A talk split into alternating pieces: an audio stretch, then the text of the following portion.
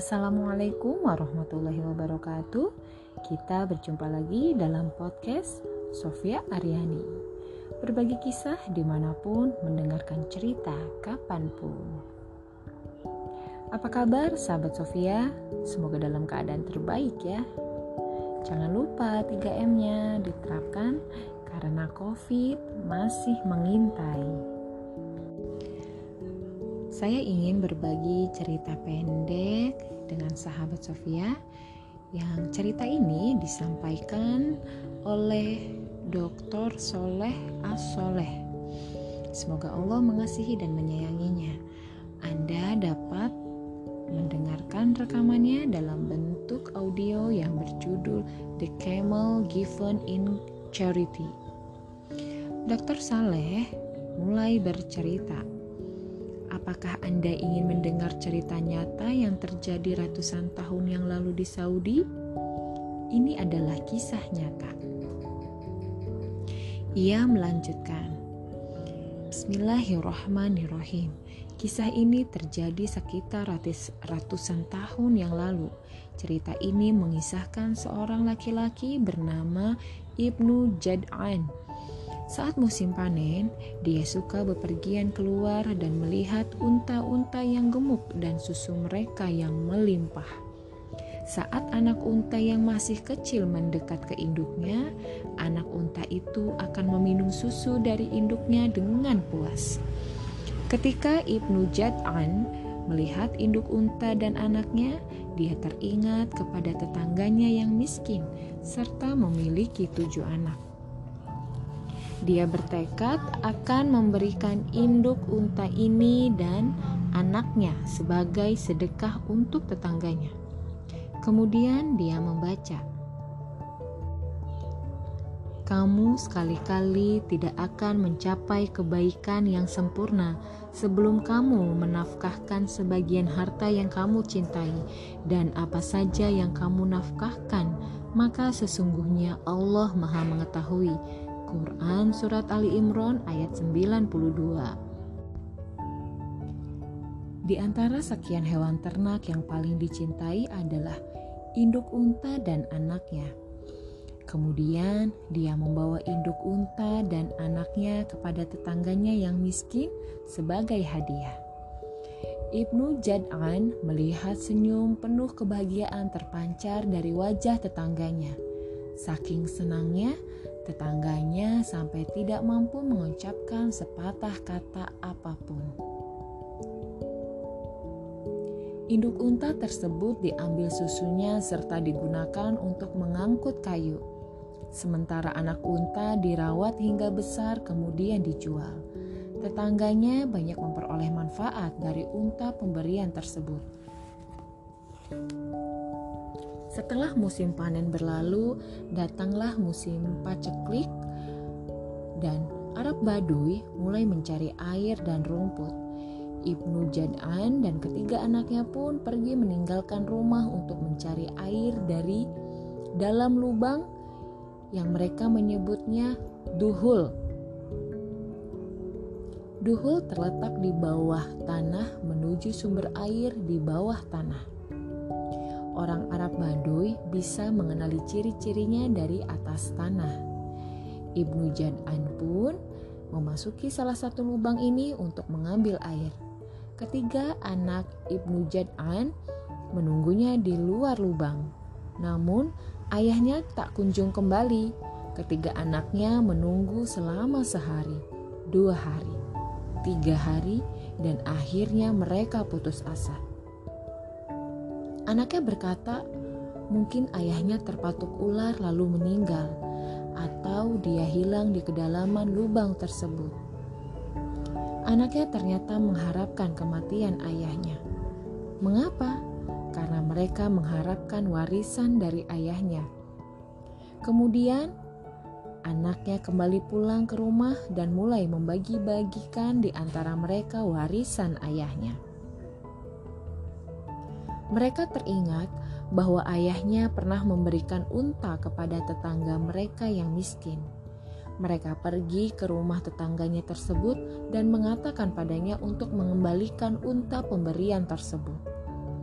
Mereka akan menggantinya dengan unta lain, atau mereka akan mengambilnya dengan paksa. Tetangganya mengeluh dan akan melaporkannya kepada ayah mereka. Anak Ibnu Jad'an berkata bahwa ayah mereka telah meninggal dunia. Tetangganya bertanya, bagaimana dan di mana Ibnu Jad'an meninggal? Dan mengapa mereka tidak memberitahukan sebelumnya? Anaknya menjelaskan bagaimana ayah mereka masuk ke dalam sebuah lubang di bawah tanah dan tidak kunjung keluar. Tetangganya berkata, "Demi Allah, bawa aku ke tempat tersebut dan ambillah untamu. Aku tak menginginkan untamu sebagai gantinya." Lalu mereka mengantarnya untuk melihat tempat tersebut. Tetangga tersebut pergi dan membawa tali dan sebuah penerang.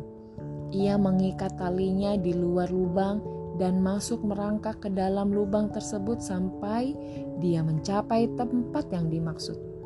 Meskipun aroma kelembapan semakin menyengat, tiba-tiba dia mendengar seorang suara laki-laki. Dia mendekati arah suara tersebut dalam kegelapan lubang bawah tanah sampai tangannya meraih Ibnu Jad'an. Dia mengecek apakah Ibnu Jad'an masih bernafas karena dia telah berada di lubang ini selama seminggu? Dia menariknya keluar, memberinya kurma dan air untuk menambah tenaga Ibnu Jad'an.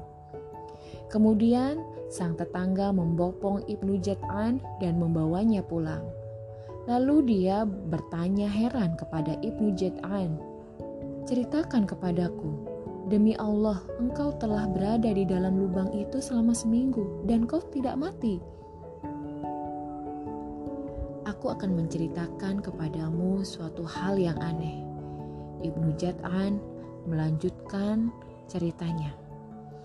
Saat aku masuk lubang itu, aku tersesat dan arus air telah mengombang-ambingku ke segala penjuru kukatakan pada diriku agar mendekat ke air dan dapat yang dapat kurai. Kemudian aku mulai minum darinya, namun aku mulai kelaparan. Aku bersandar dan memasrahkan semuanya kepada Allah. Aku merasakan susu sedang dituangkan ke dalam mulutku. Aku duduk di tengah kegelapan dan aku melihat semangkuk susu mendekat. Aku meminumnya sampai kenyang Hal ini berlangsung selama tiga hari sekali. Hal ini berlangsung tiga kali sehari. Namun, pada dua hari terakhir, hal tersebut berhenti, dan aku tak tahu mengapa.